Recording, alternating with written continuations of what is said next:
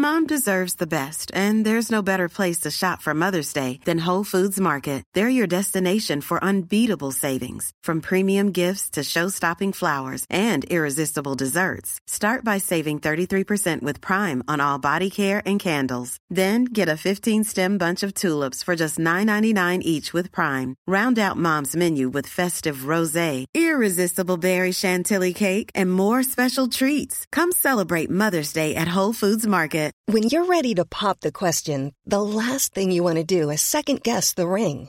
At Bluenile.com, you can design a one of a kind ring with the ease and convenience of shopping online. Choose your diamond and setting. When you find the one, you'll get it delivered right to your door. Go to Bluenile.com and use promo code LISTEN to get $50 off your purchase of $500 or more. That's code LISTEN at Bluenile.com for $50 off your purchase.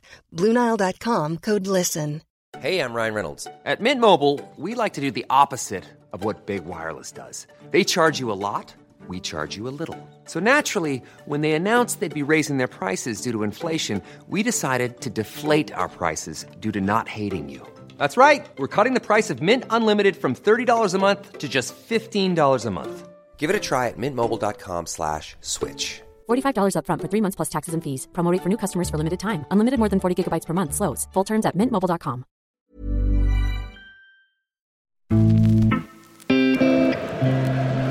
såg ut att vara på fel sida, men han bedöms rätt. Här kommer passningen till Hult!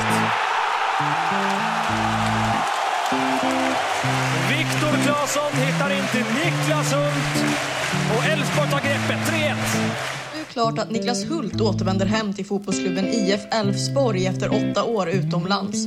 Trots flera anbud från utländska klubbar har han nu landat i Sverige och skrivit på ett kontrakt med klubben som varar till 2025. Under lördagen kommer han att vara tillbaka på Borås Arena för en första träning med det nygamla laget. Efter nästan ett decennium som utlandsproffs valde Niklas Hult att gå tillbaka till Elfsborg förra sommaren. Klubben där han en gång slog igenom. I podden berättar Hult om valet att vända hem och om sina förhoppningar och förväntningar på Elfsborg inför den allsvenska säsongen. Vi har väl en väldigt stark tro på det vi gör. Eh, vi har jättemånga duktiga fotbollsspelare. Eh, jag tycker att vi har en, en väldigt bra mix eh, nu på det, alltså med eh, de här unga talangerna som trycker på underifrån och även oss lite äldre då eh, som har rutinen och erfarenheten. Och vi pratar naturligtvis om Hults första session i Elfsborg där han kom fram som en stor talang och ryktades till stora klubbar. Men när han drabbades av en tuff skada som gjorde att han var osäker på om han någonsin skulle komma tillbaka och spela fotboll igen. Det var väldigt frustrerande, alltså, men det var ju nästintill att jag var liksom deprimerad under den tiden. Från att gå från att eh, kanske göra ja, mina bästa två, eller alltså två bästa åren i, då till liksom eh, och vara ung och det snackades om massa olika klubbar och liksom så här. Jag, det var ju efter guldet där som jag, jag skulle ta steget ut egentligen, var väl tanken. Och så blev, fick jag den här skadan och så kändes det som att så här, oj, nu, jag visste inte ens om jag skulle kunna komma tillbaka. Givetvis går vi också in på Hults tid i Grekland som bitvis var turbulent och där han gjorde den förbjudna flytten från Panathinaikos till stadsrivalen AIK Aten som upprörde många supportrar. Det var tungt var det. Alltså det var jobbigt på det sättet att man kände att här, man, man var rädd liksom på riktigt att gå ut. Eh, liksom min, min fru var inte nere första tiden när hon kom ner. Och det var ju också liksom för henne att man var, så här, man var rädd för hennes skull när vi åkte iväg på bortamatchen nästan. Så att... Podden är naturligtvis mer än så här. Vi pratar om Hults tid i Nice där det blev ett oväntat positionsbyte. Om relationen till den bortgångne Klas Ingesson och minnet som fortfarande gör att han får gåshud. Vi talar om bakgrunden i IFK Värnamo och varför hemstaden är så bra på att fostra fotbollstalanger. Och så talar vi om varför han känner att han aldrig riktigt fått chansen i det svenska landslaget men att blågult nu är passé. Men som vanligt börjar vi podden med en faktaruta.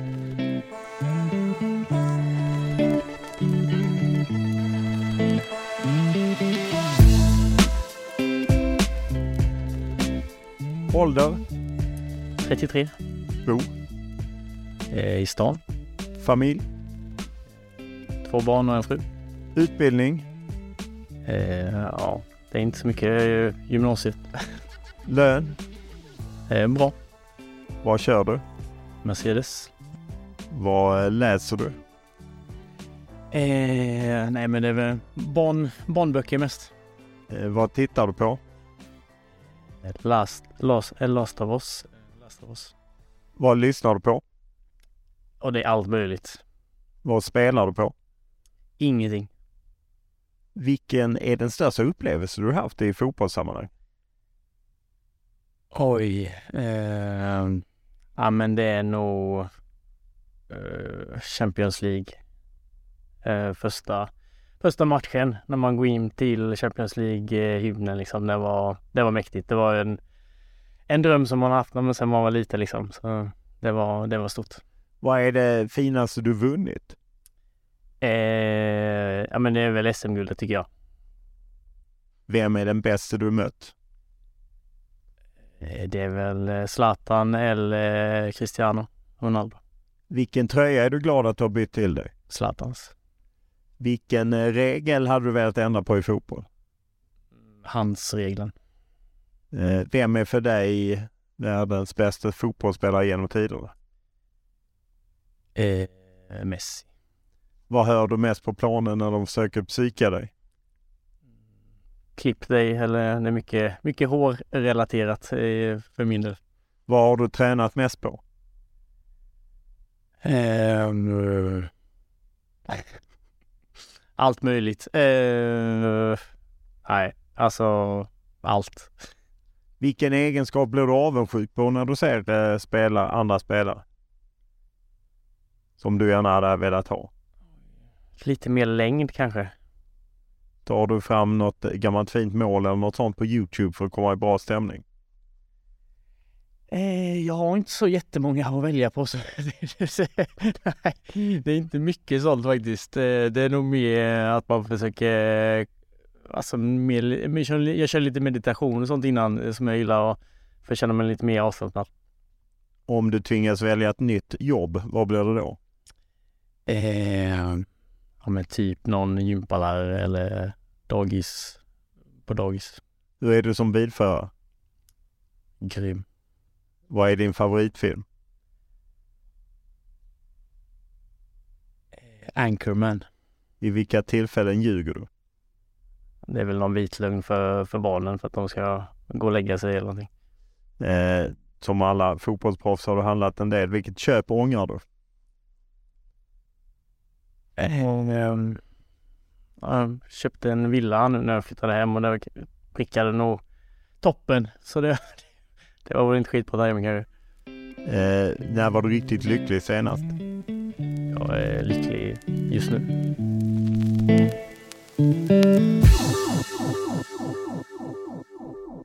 När vi träffas är det ju några dagar till ni tar emot eh, Häcken här på eh, Borås Arena. Hur är känslan i i Elfsborg? Ni har ju inte spelat Svenska Cupen exempelvis. Nej exakt. Nej men jag tycker det är bra. Eh, det har varit en väldigt lång försäsong.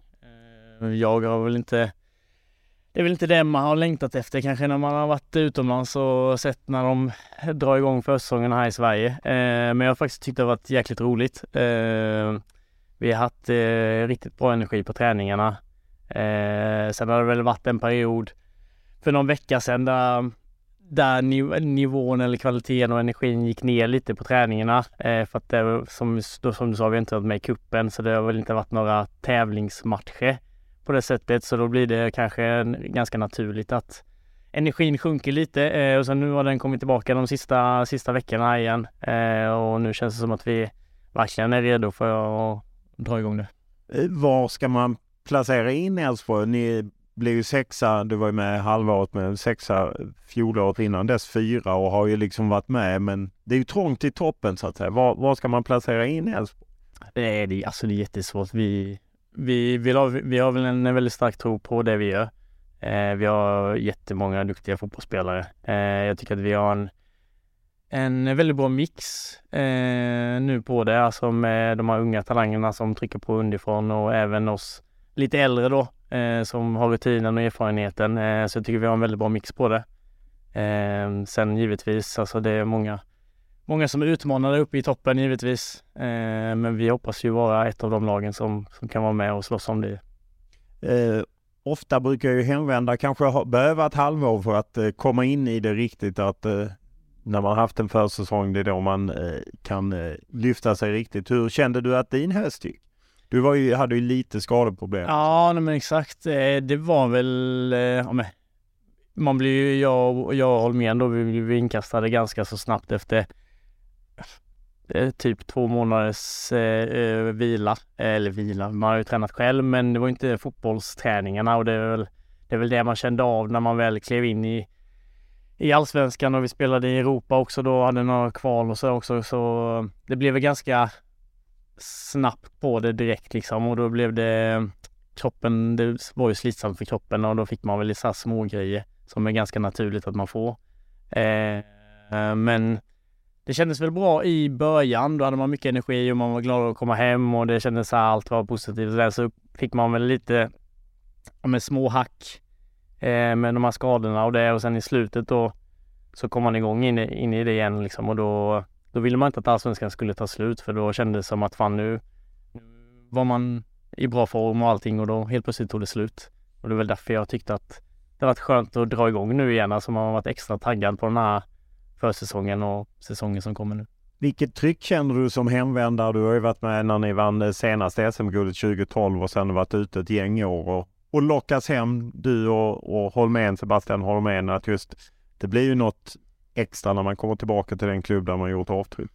Ja, nej men det är klart alltså vi, vi jag tycker vi, vi ställer ganska höga krav på oss själva liksom eh, och sen jag tycker inte trycket utifrån eller trycket inom laget är väl inte något speciellt så som vi, som vi funderar på tänker jag, utan det är väl mer att man, man har en väldigt hög ambition själv liksom. Man vill prestera så bra som möjligt och, eh, och ja, men gör det så bra som möjligt helt enkelt. Så att eh, det är väl inte någonting man går runt och tänker på att vi ska bära laget på det sättet, utan vi, som jag sa innan, vi har en väldigt bra mix av unga och äldre eh, och så det gör väl att vi, vi sprider ut ansvaret.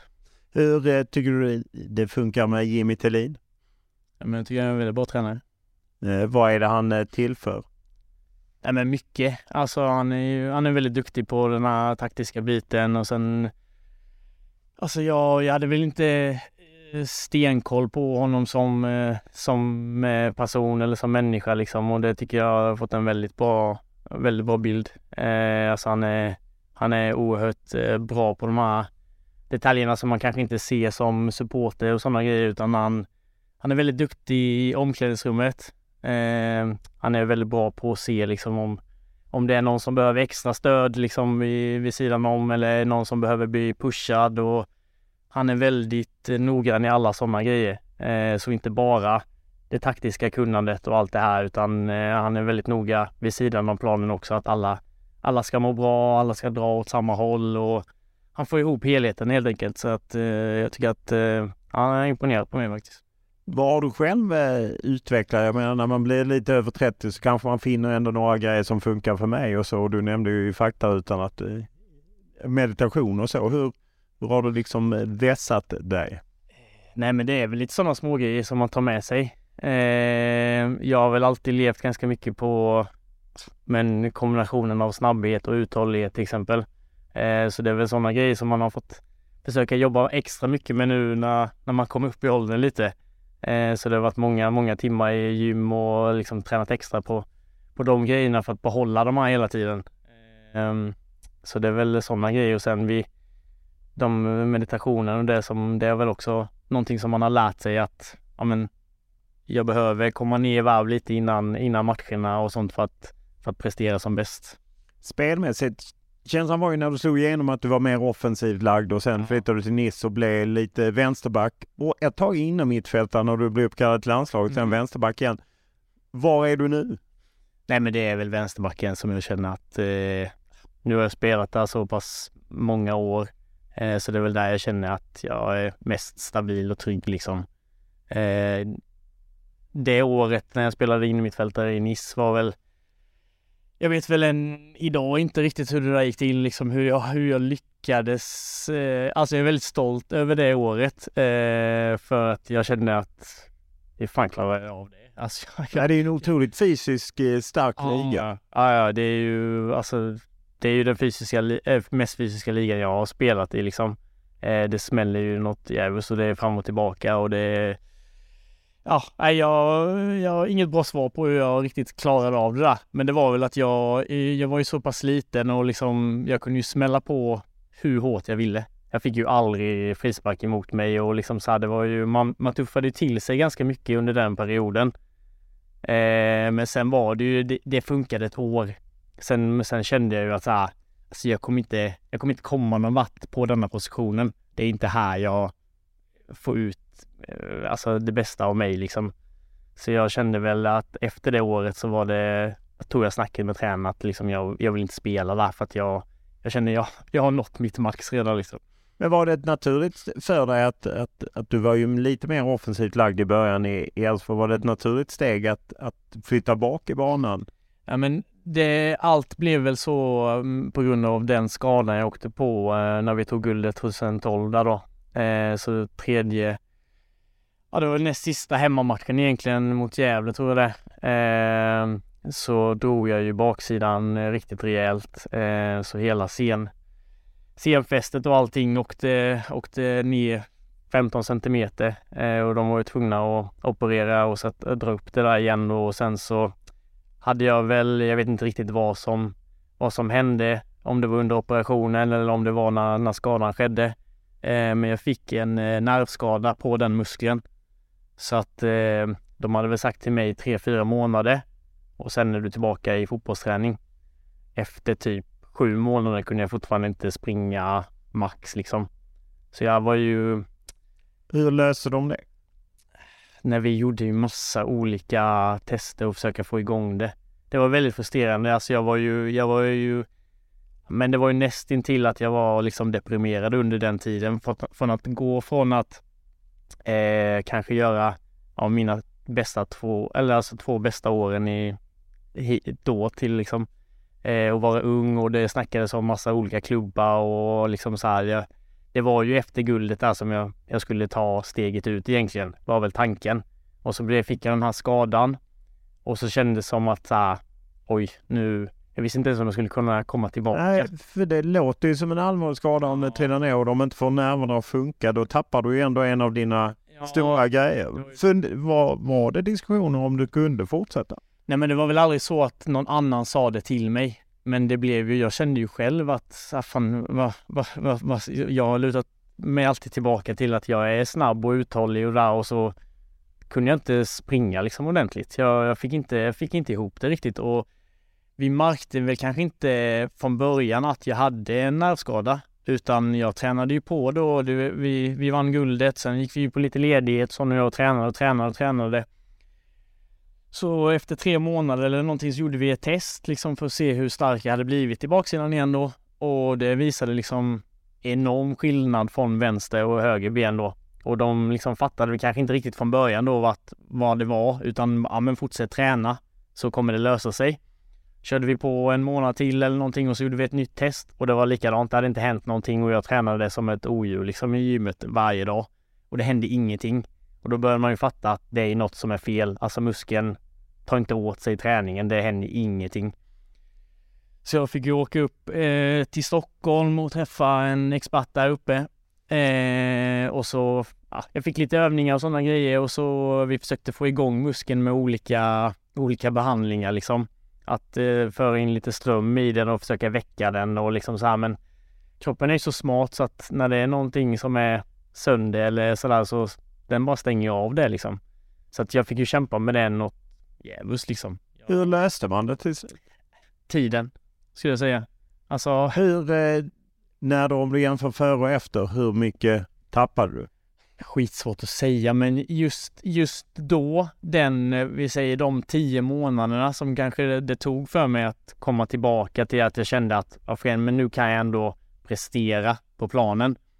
Eh, då tyckte jag ju så här, ja men det var ju 50 procent liksom. Alltså jag, det gick inte för mig. Alltså från att gå, från att då liksom kunna gå en mot en hela tiden och ta mig förbi åtta av tio gånger. Nu var det tvärtom liksom. Att åtta av tio gånger så kom backen före mig och tog bollen. Så det var ju väldigt, alltså jobbig period för mig. Ja, och du säger nästan deprimerad. Det låter obegripligt att du inte blev deprimerad med tanke på SM-guld, proffsliv, andra stack ut och du sprang med något lite diffust och det bara tog nästan ett år. Ja, men ja, men jag, jag var väl, sen är, vi, sen, är, sen är jag väl ganska positiv som person. Alltså så att jag alltid, jag försöker eh, vara positiv även i sådana tuffa lägen. Eh, och sen hade jag bra stöttning både alltså från, från laget och familj och eh, flickvän och allting liksom. Så att det var, det var väl aldrig att jag låg hemma och tyckte synd om mig själv på det sättet utan utan eh, det var väl bara mer att man så här, på kvällar och sånt att man kanske grubblade lite mer över det att fan var det så här man kämpat hela, alltså drömmen har alltid varit att bli utlandsproffs eh, och liksom se hur långt man kunde komma och så då kändes det som att någon sopade benen. Eh. Vilka klubbar var det som var intresserade då? Nej, men det var väl eh, jag kommer knappt ihåg vad det var för, vad det var för klubbar, men det var det var väl mycket snack i alla fall. Alltså, det är mycket snack om att det var många olika klubbar. Jag var i ganska bra ålder och liksom eh. När man intervjuar spelare, en del som hamnar i den situationen kan ibland uppleva att ett yttre tryck. Jag tror till och med Johan Larsson, din lagkamrat, pratar om samma sak. Att alla räknar med att man ska gå iväg och så blir det ingenting. Och det är inget man riktigt styr över själv. Hur, hur var den perioden? Så jag, jag, tror att jag just i det läget så tänkte jag nog inte så mycket på just det yttre, alltså så för att då i och med att jag hade, jag brottades mycket med mig själv, mina egna tankar och det då liksom. Just med att jag trodde kanske att fan jag har svårt att ens komma tillbaka till Elfsborg liksom. Så då var det inte ens det, jag tänkte inte ens på att att utlandsflytten inte blev av just då liksom, utan det var nog mer att jag var så jäkla fokuserad på att jag måste försöka ta mig tillbaka till alltså elitnivå ens liksom. Så att det var väl det var väl inte något sånt tryck jag kände på det sättet. Eh, under tiden du är så, du har ju både Magnus Haglund, Jörgen Lennartsson och sen kommer även Claes Ingesson in. Hur var det att jobba med de olika tränarna? Eh, nej men Haglund var ju den som var här när jag, när jag kom till Elfsborg. Eh, så vi har ju en, en väldigt bra relation. Ehm, eh, han gjorde ju mycket för mig under den tiden när jag kom som ung spelare och lät mig få spela eh, och liksom trodde på mig väldigt mycket. Eh, och sen när jag, när Lennartsson var här så var det ju, vi hade ju ett väldigt bra år, eh, 2012 där liksom väldigt lite samma mix som vi har nu. Är, är eh, eh, unga spelare som trycker på underifrån och så de äldre liksom. Eh, och eh, ah, det var ju ett fantastiskt år. Eh, och sen med Klas Ingesson var ju, det var ju liksom en, att man fick vara med på, en, på ett litet hörn där liksom i hans liv på något sätt är ju ändå eh, väldigt mäktigt på något sätt liksom. Ja, vilket avtryck gav han när han tyvärr ju gick bort? Nej men det var ju en underbar människa alltså. Det var ju han var också väldigt, väldigt positiv trots allt han kämpade med liksom och det var väl Alltså under den perioden så lärde man sig ganska mycket om livet liksom. Eh, det var ju Det blev inte bara innan man kanske varit bara så här fotboll, fotboll, fotboll, fotboll, fotboll.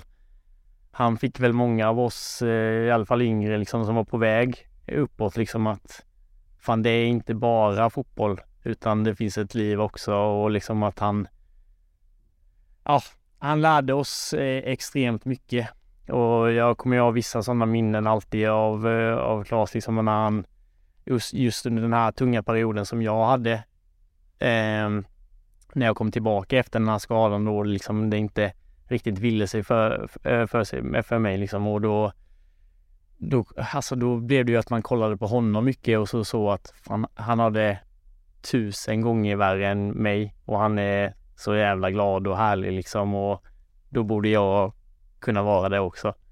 Så att han gav mig mycket med den energin och den positiviteten han hade. Och sen har jag en sån, ett sånt minne av honom när vi haft en träning, typ fem mot fem eller något sådär, en ganska, ganska tuff träning och så gör jag någon, eh, jag dribblar av två stycken eller någonting och gör mål. Och sen kommer jag ihåg det så väl, han kommer fram till mig efter träningen och bara sträcker ut eh, handen så, så säger han bara välkommen tillbaka. Jag blir, jag ryser nu. Ja, otroligt. Eh, det betyder mycket när han kliver fram med det. Ja, men, ja, exakt. Och han visste väl att jag hade kämpat väldigt mycket med det här också. Och då, då blev det extra så här, fan, ja, när han kom och gjorde det. Han sa ingenting mer liksom, utan han bara välkommen tillbaka. Och det, det var jäkligt mäktigt. Du har ju ett förflutet i IFK Värnamo. Hur nära var det att du gick dit i och med att de ju var nya allsvenskar och, och jag menar du är gammal klasskompis med sportchefen och så. Nej, det är klart Jennes hörde av sig eh, eh, många gånger. Vi hade eh, bra snack. Eh, och liksom jag, jag, jag var ganska tydlig från början med att jag, jag är öppen för att lyssna givetvis. Eh, men sen förklarade jag för Enes ganska, alltså redan första gången vi pratade om att liksom blir det Sverige så, så kommer det bli Elfsborg. Eh, men du får gärna presentera någonting ändå liksom bara för att eh, det är kul att snacka med honom också. Så att, eh, men det var väl aldrig riktigt eh, nära. Vad är det som gör att Elfsborg sitter så mycket starkare? Vi ser ju att Simon Tern har till exempel återvänt till i Värnamo nu. Ja, om han har varit en del klubbar. jo, han har varit runt. Nej, det är väl klart. Alltså, fall det, är, det, är, det är väl mer egentligen grejen att man har väl aldrig riktigt trott på att IFK Värnamo ska spela i Allsvenskan. Så det har väl aldrig egentligen man har väl aldrig kunnat drömma om att det skulle kunna vara ett alternativ. Eh, så att jag vet inte. Sen har jag ju haft den relationen med Elfsborg med Stefan Andreasson. Men det var bra att ha ett förslag från Enis och visa Stefan för fullt. Ja, exakt. Man får ju utnyttja det lite. Nej, det var det, ja, det, det, var väl, det är väl samma sak där liksom. Man hade inte gått till till Värnamo för, för pengarnas skull eller något sånt utan det hade ju varit mer till sådana fall att det skulle vara en, en häftig grej att vara med på. Eh, du har ju tidigare talat om eh, en annan 94-hjälte som betytt mycket för dig. Vad, vad var det Jonas Tern stod för?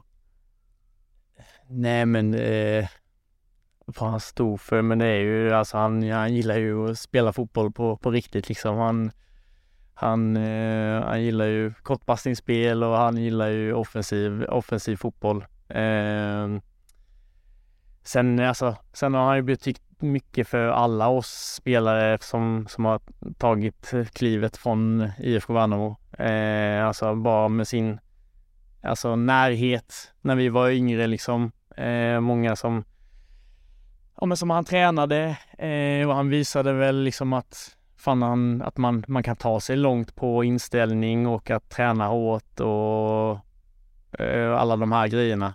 Och det, det har väl vi allihopa egentligen tagit med oss. Alltså vi, jag tror att alla vi som, som har tagit steget från IFK Värnamo och kommit någonstans har väl eh, alla varit väldigt träningsflitiga och eh, duktiga på det sättet. Liksom. Eh, håller ni någon kontakt eller är det mer bara sånt att vi utifrån tror att alla ni som kom där, Claesson, Tern, Baffo, Sadiko, ni är ju många som har kommit härifrån. Har ni någon kontakt eller är det? Ja, nej men det har vi. Det har vi. Det har vi så att eh, det är väl inte så att vi rings eh, jätteofta. Men, eh, men, men man hör av sig alltså. Sen, sen är man ju mycket i Värnamo också. Så man springer på varandra och det är alltid kul att träffa honom. Hur eh, förvånad är du att ni är så många som ändå nådde elitfotbollen, nådde ut i Europa och spelat i landslag och vunnit titlar? Nej, alltså förvånad. Det är klart att det är, det är jäkligt häftigt att en sån liten stad kan producera så många duktiga fotbollsspelare. Eh, det var väl något, någon januariturné som vi var fem stycken eller någonting från IFK Värnamo som moderklubb. Det är väl det är ju jäkligt häftigt att det, att det kan bli så. Eh, men anledningen till det är väl, alltså det är väl, Jonas har ju givetvis sitt finger i det, men även att det finns väldigt bra förutsättningar för att spela fotboll i IFK Värnamo. Det finns, alltså det var ju många eh, föräldrar som ställde upp på, fan vi tränade julafton och vi kunde träna allt möjligt liksom. Det var alltid varit många ledare som har ställt upp för, för ungdomarna i, i IFK då. som gjort att alla har kunnat träna så mycket de vill liksom. Till slut eh, kommer du iväg. Eh, du förlänger ju en sväng med Elfsborg men sen blir det Nice. Vad var det som avgjorde att det blev den klubben? Eh, nej men det var väl att de hade varit intresserade ganska länge. Eh, även innan jag blev skadad så var väl eh, de en av de klubbarna som var intresserade på riktigt liksom. Eh, sen har de väl följt mig under hela eh, rehabiliteringen liksom. Och sen när jag när jag blev frisk så då var det liksom direkt att de kontaktade och så här, vi, vi kommer vilja köpa dig liksom. Så då, det kändes väl, det kändes väl, eh, det kändes som ett stort steg eh, från Elfsborg till eh, Nice. Men eh, så var jag där och besökte, besökte Nice och så kände jag väl också att så här, fan, det är en ganska så lik klubb som Elfsborg är i Sverige. Eh, alltså fam ganska familjär klubb. Eh, och liksom, ja, nej jag tyckte det fanns lik likheter liksom och tänkte att eh, det här kan nog bli bra. Hur eh, trivdes du där? Eh, ja men det är ju, alltså det är ju tufft. Alltså Frankrike är ju ganska, ganska tufft liksom att komma till. Eh, Nice är ju en fantastisk stad. Alltså det var många som ville komma på besök och sånt så det var ju, det hade man ju så det var ju alltid bra men men att komma till Frankrike generellt och inte kunna någon franska eh, är ju inte superbra. Eh, Cloud Poel som jag hade som tränare där var ju han kom till mig första träningen och sa att eh, jag kommer försöka förklara, han kunde inte skitbra engelska. Han sa till mig att jag kommer försöka förklara övningarna och fotbollsgrejerna i, på engelska i två månader för dig. Sen efter det slutar jag. Eh, så då är det franska som gäller. Så det var många, många timmars eh, franska lektioner i början. Eh, och det, alltså en sån grej, det gör ju ganska mycket, alltså man, man kommer inte riktigt in i det så snabbt. Och när du väl, eh, när du väl är inne i det så är det ändå ganska, jag vet inte, det är inte så att man blir inte hembjuden skitofta liksom till, eh, till grabbarna i laget utan det är ju, det var stor skillnad att komma från Älvsborg liksom där vi var varje lunch var tio stycken och käkade och fikade och grejer och så kommer man dit och så blir man ganska ensam liksom. Eh, så det var en stor omställning. Just det, hur är det att man har haft den här pojkdrömmen? Jag ska bli liksom proffs över en härlig stad och allt som följer med. Man tjänar lite mer och liknande och sen är egentligen tillvaron rätt bister. Jag skulle inte säga att det är bister så på det sättet utan det är väl mer att Alltså många gillar ju att vara eh, bara med sin tjej eller typ sådär. Jag är väl, jag är väl ganska så. Jag gillar ju att gå ut och fika med grabbarna eller alltså liksom snacka mycket. Jag gillar ju det här omklädningsrumssnacket och hänga extra länge i gym och sådana grejer för att just att få den här stimulansen med att snacka liksom. Eh, och det fick man ju inte riktigt där utan det blev ju att man eh, Ja det var väl tjejen som fick, eh, som fick vara det stödet istället liksom och snacka mycket med henne och sen var det som jag sa innan att det var många som ville komma på besök och sånt så det var väl det som hjälpte en mycket också. Det är ju en tid när ligan är rätt stor i Sverige, mycket beroende på Zlatan. Hur, hur var det att vara del av liksom en liten svensk del av det stora universum? Ja, det var nog väldigt, väldigt liten del. Men eh, nej, det är klart, det var ju alltså det var skitkul att spela i ligan för som du säger, det var mycket, många som hade koll från Sverige. Eh, och det är ju många roliga matcher alltså. Det är ju jätte, många bra lag. Eh, vi hade väl en ganska tuff första säsong. Eh, sen hade vi en riktigt bra andra säsong när jag var där.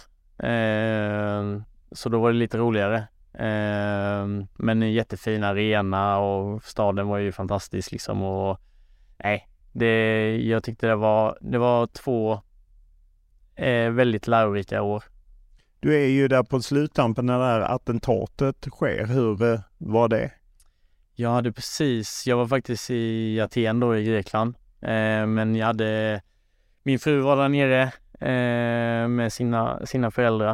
Eh, så de, de var där. Eh, men de var aldrig nere på promenaden när det hände utan de var, de var hemma liksom. Men det var ju när man vaknade upp till det liksom och kände vad fan, vad händer liksom? Eh, så hade man dålig, dålig koll liksom eller så här och man visste inte riktigt vad det var som hade hänt och man, ja, jag kommer ihåg det var, det var riktigt jobbigt. Eh, men sen fick man ju kontakt med dem och så var det lugnt liksom. Hey,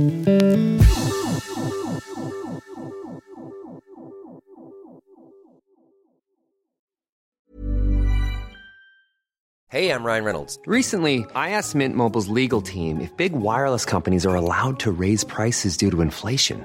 They said yes. And then when I asked if raising prices technically violates those onerous two year contracts, they said, What the f are you talking about, you insane Hollywood ass? F- So to recap, we're cutting the price of Mint Unlimited from $30 a month to just $15 a month. Give it a try at mintmobile.com slash switch. $45 upfront for three months plus taxes and fees. Promo rate for new customers for limited time. Unlimited more than 40 gigabytes per month. Slows. Full terms at mintmobile.com. Many of us have those stubborn pounds that seem impossible to lose, no matter how good we eat or how hard we work out. My solution is Plush PlushCare. PlushCare is a leading telehealth provider with doctors who are there for you day and night to partner with you in your weight loss journey. They can prescribe FDA-approved weight loss medications like Wagovi and Zepbound for those who qualify. Plus, they accept most insurance plans. To get started, visit plushcare.com slash weight loss. That's plushcare.com slash weight loss. Here's a cool fact a crocodile can't stick out its tongue. Another cool fact you can get short term health insurance for a month or just under a year in some states. United Healthcare short term insurance plans are designed for people who are between jobs, coming off their parents' plan, or turning a side hustle into a full time gig. Underwritten by Golden Rule Insurance Company, they offer flexible, budget friendly coverage with access to a nationwide network of doctors and hospitals. Get more cool facts about United Healthcare short term plans at uh1.com.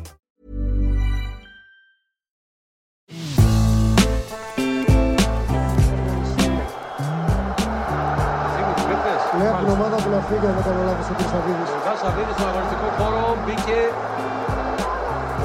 Βιερίνια λέει όχι, αλλά όλοι ξαναμπαίνουν μέσα στο γήπεδο. Πάντως Greece has suspended its Super League football fixtures after the president of club PAOK Salonika stormed onto the pitch with a holstered gun to protest a disallowed goal.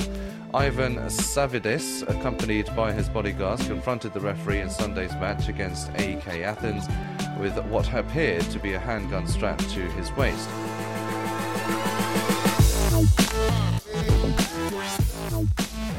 Om man ser till att du skiftar till Grekland och Panathinaikos, hur kom det sig att du lämnade ligan?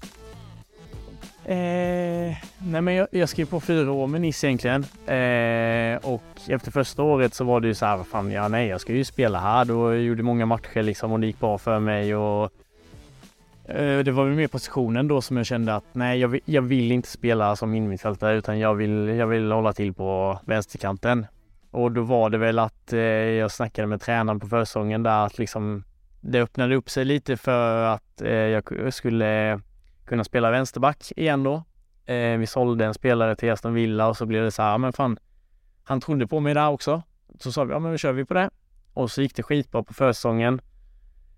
Eh, och jag kände att, ja jäklar nu, nu har jag en startplats här som vänsterback och det kommer bli grymt. Och så dagen innan premiären mot Monaco så fick jag problem med min baksida igen. Sen höll det på sådär för att tränaren ville att jag skulle snabbt komma tillbaka. Eh, så jag var borta, missade någon match på grund av baksidan då. Och så kom jag tillbaka och så typ andra träningen eller någonting drog jag samma igen.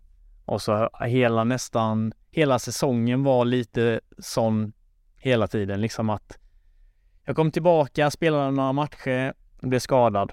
Eh, och så var det, det var baksidan hela tiden. Visste man vad det var man kunde göra något åt det eller? Nej men det var väl egentligen i och med att jag, jag är fortfarande inte, jag, är fort, jag har ju fortfarande problem med den muskeln.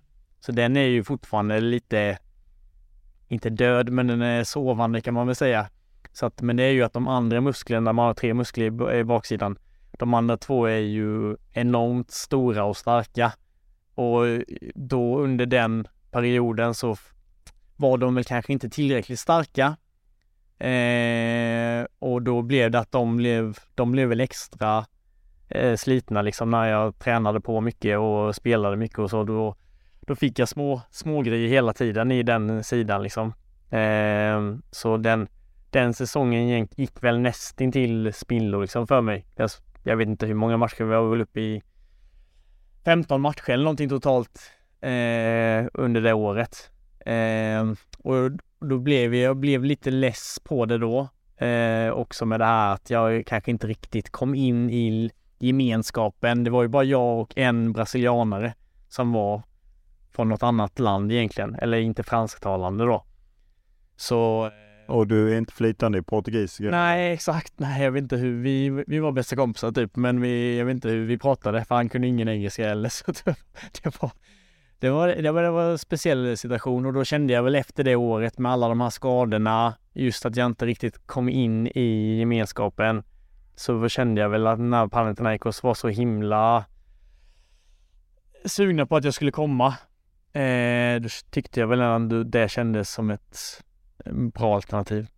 Eh, du är ju i Panathinaikos ett tag, ett par säsonger. Hur eh, ändå byter du ju till AIK Aten som ju är, är som går från Elfsborg till Norrby i princip. Ja. Eller med mer laddning. Men vad var det som inte du tyckte var kanon i Panathinaikos under de första åren? Eh, nej men första året egentligen var väl kanon. Eh, vi var med i, vi kom in till Europa League. Eh, vi var väl ganska bra med i ligan, även om Olympiakos var väl ganska överlägsna under den, under den tiden liksom. Eh, men det var väl, eh, vi, vi satsade sjukt mycket när jag kom. De varvade in 13 spelare under den sommaren när jag kom till Panathinaikos och alla spelare var egentligen från topp 5-ligor. Så det var väldigt bra spelare. Men eh, i Grekland har de inte riktigt det tålamodet. Eh, vi började väl ligan bra, och vann de första matcherna med 5-0, 4-0 och det liksom allt bara rullade på. Sen hade vi väl någon period där, vi spelade lika någon hemmamatch och förlorade mot Olympiakos eller något sånt och då sparkar man tränaren och man byter ut nästan allting. Eh, till vintern då, ett halvår senare, var det bara jag och en till kvar av de 13 spelarna. Då hade man bytt ut nästintill allihopa. Och, eh, och under den perioden också så blev det väl känt att eh, Panathinaikos hade enorma skulder. Som presidenten då gick ut och sa att jag kommer inte betala dem här. Jag vill sälja klubben och ja, massa grejer. Och det... Hur är det att vara spelare i en sån? Alltså 13 in, 11 ut? Nej, det är ju speciellt. Alltså det hade jag ju aldrig varit med om eh, innan, alltså ens i närheten. Sen var det, hade jag ju någon typ av trygghet i Marcus Berg som ändå var vicekapten där, hade varit där några år innan mig. Och gjorde mycket mål. Ja, han var ju liksom gud där nere. Eh, så det var ju också en sån här trygghet att så länge han var där så kände man ju ändå att det löser sig. Han var ju liksom den som, ja men det är lugnt, vi löser det. Eh, Alltså det, det, är inga problem, vi litar på presidenten. Han hade en bra relation med presidenten och man kände liksom så här. Hur mycket släpade löner och sånt efter? Ja men jag fick nog inte en krona egentligen på de första sex, sju månaderna. Blev man inte förbannad då? Ja, jo, jo, det är alltså, jo men någonstans blir man väl det men det blir också så när du kommer till en ny klubb och så här, det gick bra för mig direkt. Du vet, fansen älskade mig från start nästan och så här, man fick eh, det blev sån jäkla skillnad för jag kom från det här att jag inte kunde, jag fick inte liksom, jag pratade inte så mycket med dem i laget och så kom man till Grekland och allt var så här wow, man gick ut och fikade och käkade och det var liksom, eh, grekerna är ju sådär, du vet de de vill att man ska vara med på allt och de, man blir igenkänd på stan så sjukt mycket och du behöver inte betala för lunch. Och, ja, men så här, det, de är ju så extremt passionerade när det kommer till fotbollen. Så när det går bra så då så bara flyter ju allting på och jag trivdes ju så enormt bra i Panathinaikos den första, första året egentligen. Eh, så att allt sånt där la man vid sidan om egentligen. Då var inte pengarna viktigt utan det var så här, jag hade fått tillbaka glädjen för fotbollen igen. Eh, och liksom det var mycket viktigare än just att, att, än att jag skulle få pengarna där och då liksom. Fick du pengarna till slut? Ja men det fick jag. Så att eh, de hann ikapp? De hann ikapp. Vad är det som går snett det andra året då? Nej men det, det är väl, eh, det är väl det här som jag snackade med om att presidenten gick ut och sa att han inte, han kommer inte betala de här skulderna. Eh, de sålde eh, kaptenen till Köpenhamn, Seka. Eh, sålde dem, de sålde Marcus Berg. De rensade ut den sommaren och blev av med stora löneposter och sådana här grejer och man märkte liksom då under försäsongen att oj, de kommer inte satsa nu. De vill bli av med så, så mycket som möjligt nästan och så ah, jag vet inte. Eh, det bara kändes som så här att fan det är, jag vet inte riktigt vad det här ska ta vägen. Eh, och sen blev det väl ändå någonstans att vi fick, fick till det hyfsat ändå liksom. Eh, med, med lite yngre spelare och sådana grejer. Men så det var ju problem liksom. Du fick inte betalt och det var jättemycket snack sista halvåret om att klubben typ skulle gå i konkurs och att eh, de hade hittat något sånt kryphål om att bara byta ut en eh, namnet på något sätt och så då nollställs alla skulder och allting. Då behöver de inte betala och eh, kontrakten bryts och sådana där grejer. Eh, så det var ju, alltså det var ju riktig kris på riktigt liksom. Så... Eh, hur eh, resonerar du ändå när du går till AIK Aten? För jag menar det är ju en oerhört laddad mm. flytt naturligtvis i ett land där det är, fotboll är väldigt mm. mycket passion. Nej, det var, det var tufft. Det var jättetufft. Eh, det var väl inte riktigt det jag tänkte. Utan det blev väl Det blev nästan nästintill påtvingat just flytten. För, av klubben eller av ja, agent? Eller? Det blev att vi, vi anmälde ju Panathinaikos för de, de betalade inte och det verkade inte som att de ville hitta någon lösning för att betala överhuvudtaget. Och då kände man väl egentligen att nej, vi måste lämna det här sjunkande skeppet liksom. Eh, och då då anmälde vi väl dem och eh, sen så drog det där ut på tiden. Eh, så i, i, i slutändan så var det väl eh, när januarifönstret höll på att ta slut egentligen. Då, då var det väl Panathinaikos i princip som sa vi har hittat en deal med Ike. Vi vill att du går dit. Eh, alternativen var att jag skulle komma tillbaka till Panathinaikos Eh, och då visste jag att det kommer inte bli bra liksom. Det kommer bli ett helvete. Och kommer man tillbaka dit med hur fansen och sånt är. Då hade jag ju redan, då hade vi redan anmält klubben, klubben. och liksom så här, även om de, de flesta gör det liksom. Så det är inte en big deal så, men det var väl att jag kände att nej, jag vill inte, jag vill inte tillbaka. Eh, och då pushade de för att presidenterna var väl tajta där i AIK och Panathinaikos så de fixade någon deal och löste det. Eh, så det var väl i slutändan det. Slutade med att du fick vad du skulle ha från ja, Panathinaikos? Ja, det löste sig. Det och, löste sig. och hur är det då när du presenteras av Ike? Hur är reaktionen i Aten? Eh, nej, men det var väl inte, det var inte så att jag gick in och läste. Jag försökte ligga lite lågt på Instagram och sådana grejer. Det var liksom så här. Ja, jag vet inte. Det var ju liksom. Det var tungt var det. Alltså det var jobbigt på på det sättet att man kände att här, man, man var rädd liksom på riktigt att gå ut. Eh, liksom min, min fru var inte nere första tiden när hon kom ner. Och det var ju också liksom för henne att man var så här, man var rädd för hennes skull när vi åkte iväg på bortamatchen nästan. Och så Sen hände aldrig någonting, alltså det var aldrig klart att när man gick ut och att folk skrek efter en någon gång och sådär. Men det var ju liksom ingenting som hände. bytte du bostad? Det gjorde jag. För det kände du att? Det kände jag att det var, det var läge för det. Hade klubben något säkerhetstänk att de hjälpte dig? Nej, alltså hade jag, hade jag frågat eller hade velat ha det så tror jag att det hade det löst sig. Eh, jag hade Martin Dahlin under den tiden och han, han frågade väl också om han, om han kunde hjälpa till med sådana grejer men det kände vi väl aldrig att det var ju mest hot på, på Instagram och sådana grejer som så vi kände väl att så länge det inte händer någonting som man känner att man, man verkligen skulle behöva det så ligger vi lågt med det. Eh, sportsligt, då går det betydligt bättre. Ni vinner ju titel och, och så. Hur, hur var det att få känna den framsidan? Jo, men det var, det, det var väl så i början då att jag kände att fan, den här flytten kanske inte var riktigt meningen. Alltså jag kanske inte riktigt ville göra det egentligen just för, ja men som det är liksom att man byter inte från Panathinaikos till Ike egentligen liksom.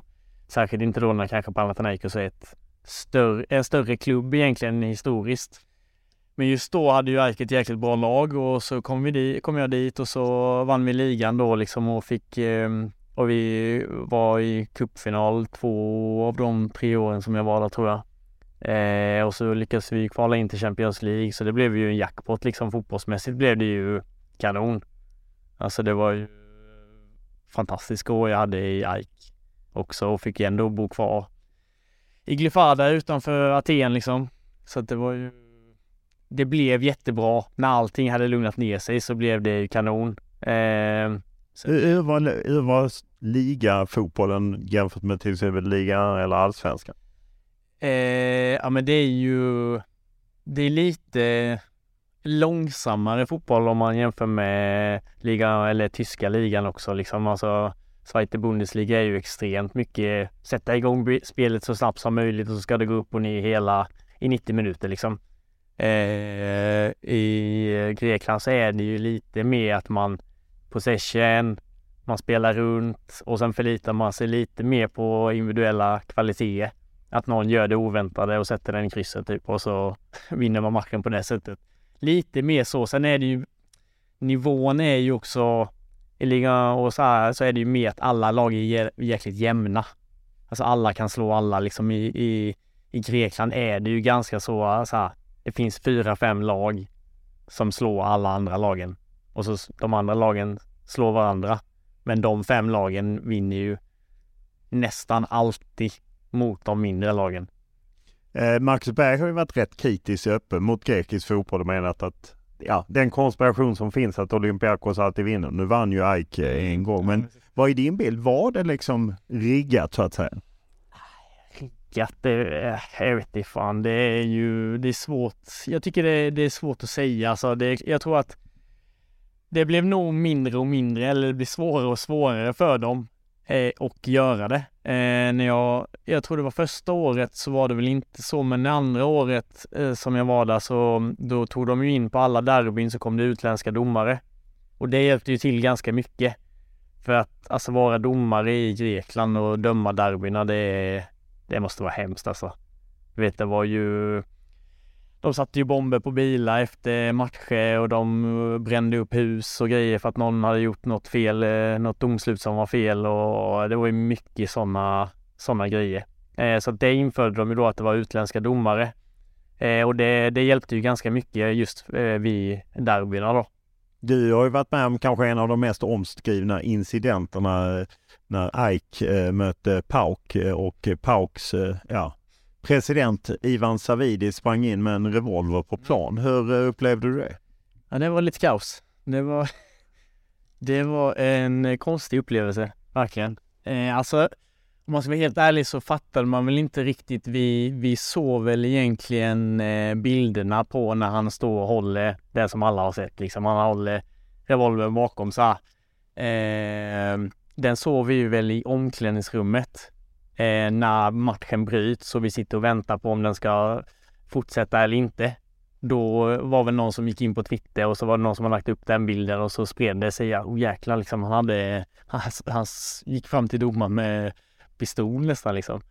Eh, men det var så mycket annat kaos just där och då så då man märkte inte av att han ens nästan hade varit inne. Vi står ju runt domaren när han kom in så vi, vi ser ju att han kom in med två liksom... Eh, och du visste vem det var? Ja, ja, det hade man koll på.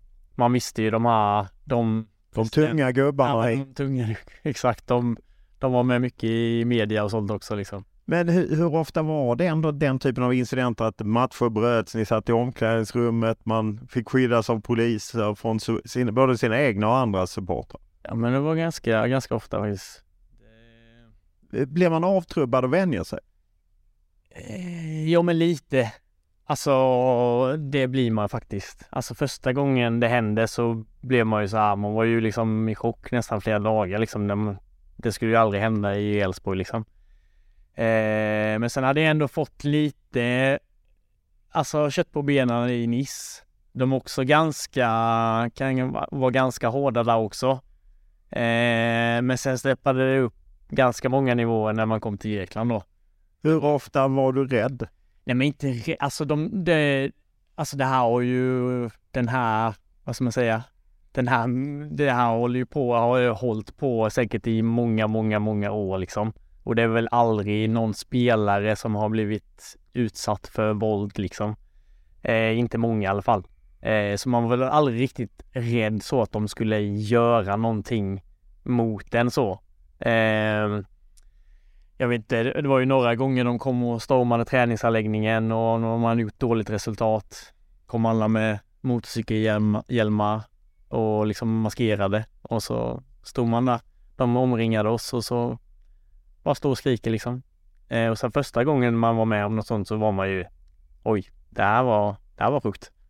Eh, men sen när det har hänt tre, fyra gånger så jag vet inte, man, man inte vänjer sig men man är liksom, man vet att okej okay, de vill komma hit, skrika på oss och sen kommer de gå. Det är liksom Förstod du vad de sa? Nej det var väl, det var väl, man förstod ju vissa av de här svärorden givetvis men inte, men inte allt liksom. Så att det var väl eh, det var, säl det var sällan att tolken översatte.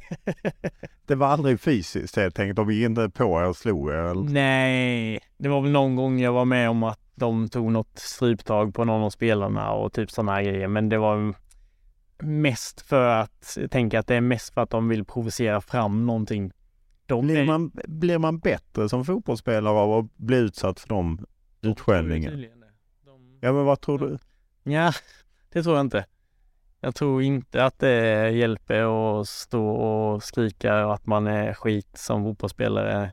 Särskilt inte när det är alltså egna fans liksom som man, då kanske vi hade match två dagar senare eller en dag senare och det, det är ju, det tar ju mycket energi från spelarna när man gör sådana grejer. Alltså, det gör det ju. Eh, sen är det ju så, vinner du den matchen efter då, så tror de ju att ah, det var för att vi kom och gjorde det här. Då måste vi fortsätta med det. Um, så det är svårt att få bort det helt liksom. Den grekiska fotbollen, det finns ju matchfixning även i Sverige ska man ju säga och även andra, men den grekiska fotbollen har ju varit utpekad. Har du varit med om det liksom att du blivit erbjuden pengar eller att man ska lägga sig? Nej, det har jag faktiskt aldrig varit i närheten av. En annan incident som dök upp var ju när din eh, lagkamrat eh, Kosic drog dig hårt. Ni blev ovänner eh, när ni mötte Bayern München i Champions League-kval. Ja, ja det var väl... Ja, det, det var en konstig incident också. Vi, vi småtjafsade väl lite. Han var, det var väl någonting som... Ah, jag kommer inte ihåg, det var väl alltså så här små grejer som retades liksom fram och tillbaka. Ehm, Eh, Sen tjafsade vi lite och sen blev det någon incident där då så ja, han tappade det helt enkelt och då ryckte han mig i håret. Liksom. Det, ni vet ju att folk kan tappa det så att ja. det, det, där, det där händer. Du skiftar ju till Tyskland och Zweite Bundesliga. Det är ju lite coronatid. Var det lite panik där att liksom hitta något bra alternativ? Eh, Nja, alltså jag hade ju alternativ. Jag hade ett alternativ att stanna kvar i Grekland också. Alltså i AIK och även andra klubbar och sånt. Men jag kände väl ändå att fan, jag hade gjort det där nu. Alltså, du vill ha lön på rätt dag? Ja, men AIK var väldigt bra. Ah, okay. Det var lite mer välskött liksom. Ah. Eh, de stora klubbarna är ju oftast ah. bättre. Det var väl just Panathinaikos under den perioden som var lite tuffare. Men, eh, nej, men sen, när, sen när Hannover dök upp så kändes det väl ändå som att fan det här är ett roligt, en rolig, en rolig utmaning. Eh, de hade mycket snack innan med mig om liksom att så här, vi satsar verkligen nu för att ta steget upp. Eh, och vi, vi tror på att vi kan göra det. Eh, så att det, det kändes som en riktigt rolig utmaning. Vad var det som brast att ni aldrig tog klivet upp? Alltså Zweite Bundesliga är jäkligt svår. Alltså det... Jag vet inte riktigt vad det var. Vi hade, vi hade faktiskt ett väldigt bra lag. Eh, och men det är, fan vi var med, vi var med ganska bra i racet ja, fram till sista tio omgångarna eller någonting. Och sen efter det så tappade vi liksom ganska rejält. Eh, men eh, vad det var som jag vet inte. Det är, det, det, är så jäkla jämnt i den ligan. Så om man ser Hamburg, liksom de är varje år förväntar sig alla att de, klart de ska ta steget upp. De har ett sånt jäkla bra lag och allting. och de, har, de, de missade alltid nästan. Eh, så det, det är en sjukt tuff liga. Är det lite som Championship också men att det är en rolig liga att spela i? Ändå lite stora klubbar och bra inramning och så? Ja, alltså först, första året var ju tråkigt på det Ja, sättet med corona. För att då var det ju, det var ju väldigt få matcher som det var någon publik överhuvudtaget. Eh, sen andra året var ju grymt. Alltså det var ju liksom, det var ju några riktigt fina lag. Det var ju, eh, Schalke var ju nere, du hade Hamburg, du har San Pauli, du har många, eh, Werder Bremen var där. Alltså du hade många roliga lag, väldigt bra lag med fina arenor och alltså den tyska tyska, alltså supporterkulturen är ju fantastisk. Alltså det är ju liksom, det är ju, de brinner ju verkligen för fotbollen alltså på ett väldigt skönt sätt på något sätt. Alltså det är liksom så här, det är inte bara hardcore supportrar utan det är liksom familjer som går och det är liksom, jag vet inte, de får ihop det jäkligt bra på, på arenorna. Hur, hur kom det sig att du valde att lämna efter ett par år och flytta hem snarare än att stanna? Eh, nej men det var väl mer att jag, jag har ju haft någon typ av dröm när jag lämnade att komma tillbaka till Elfsborg. Eh, och jag kände väl att fan, jag börjar komma upp i åldern. Eh, jag vill ändå komma tillbaka och känna att jag presterar. Eh, jag vill inte komma tillbaka bara för att komma tillbaka utan jag kände väl ändå att jag vill, det var ett bra läge att eh, komma tillbaka till Elfsborg och kunna göra det på en, på en bra nivå liksom. Landslaget har ju haft en del eh, skador på vänsterbackar. Är du förvånad att du inte varit aktuell? Du har inte varit med sedan du var inkallad i det här reservlandslaget under EM 2021. Ni som tränade lite med Troja Asperger. Jag tror inte du varit med efter det. Nej, det inte Är du förvånad att du inte varit aktuell? Jag var så jävla dålig under den reservbubblan va. Nej. Var det så alltså? Nej, nej, nej, nej, jag vet inte. Nej, jag vet faktiskt inte. Alltså det är väl varit att andra, andra har gjort det väldigt bra. För jag tänker du borde ju ha en bra ingång. Peter Wettergren är väl också en betydelsefull Ja, man för dig eftersom han var ju både när Haglund och Lennartsson och Ingesson var här. Exakt, exakt. Ni har väl en liksom bra relation? han har betytt mycket för dig. relation. Vi har en jättebra relation. Men det ska inte påverka heller. Alltså det är ju Det hade varit konstigt om det hade varit det som var avgörande för att jag skulle vara med i en landslagstrupp. Eh, Så det, det är inget sånt jag tänker på utan det har varit mer att Alltså Ludde har ju varit den som har varit eh, mest ordinarie under den här tiden jag har varit aktuell för, för landslaget egentligen och Martin Olsson också. Alltså det är två spelare som gjort det väldigt bra i både klubblag och i landslaget också. Eh, så det är väl ingenting jag tänker på så egentligen att jag skulle gått före någon av dem. Eh, sen har det väl varit så här tillfällen där man känner att kanske att eh, fan att där fick jag inte riktigt chansen kanske. När var det du kände att... Nej men det var väl alltså jag, jag det var väl under Greklandstiden där egentligen. Eh, där jag kände att fan jag, jag spelar på en riktigt bra nivå. Vi spelar Champions League eller Europa League. Vi vinner ligan. Alltså man kände sig i riktigt bra form. Eh, och så var jag väl alltid den här, jag var väl alltid tredje, tredje gubben liksom på vänster, vänsterbacken. Du har varit med i många bruttotrupper helt Ja, men väldigt, väldigt många. Eh, och så var det väl jag gjorde de, jag har gjort väldigt många, eller väldigt många, men jag har gjort många liksom träningsmatcher. Och så tycker jag ändå att det har gått ganska bra i de matcherna.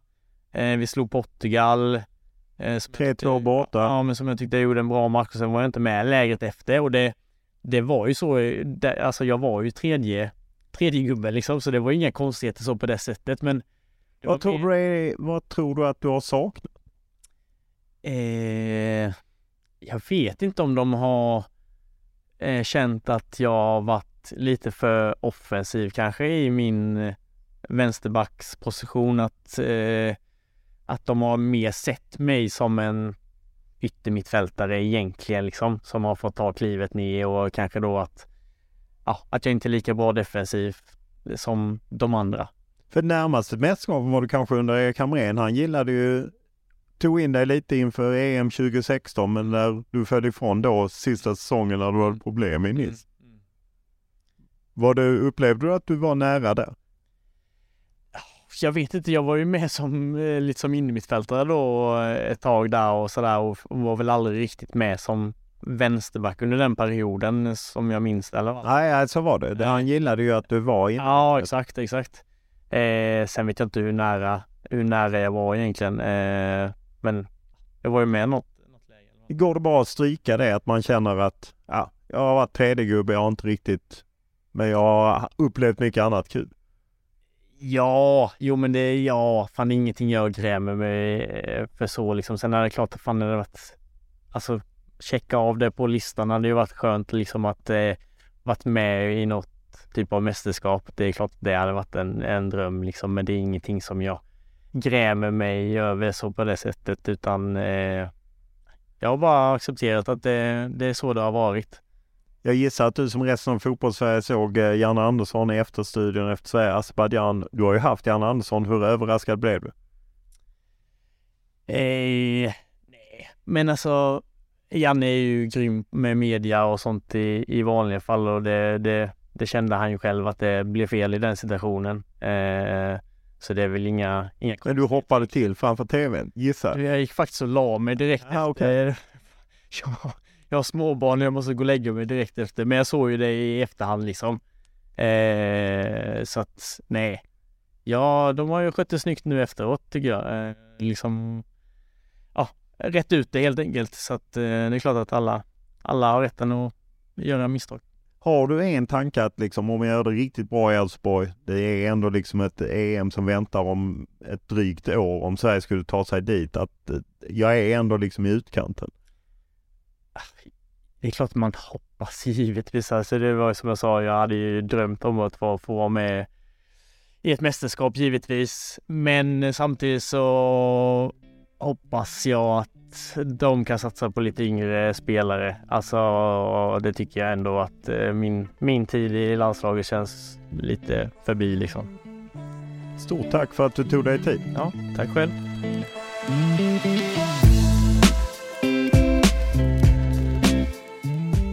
Podden är producerad av Max Richna och klippt av Daniel Eriksson. Och vi hör gärna vad ni tycker, tänker, önskar och eh, eventuellt kritiserar. Enklast är alltid att mejla mig olof.lund.tv4.se eller skriva till mig på Instagram eller Twitter. Då är det Olof Lund som gäller i ett ord. Stort tack för den här veckan!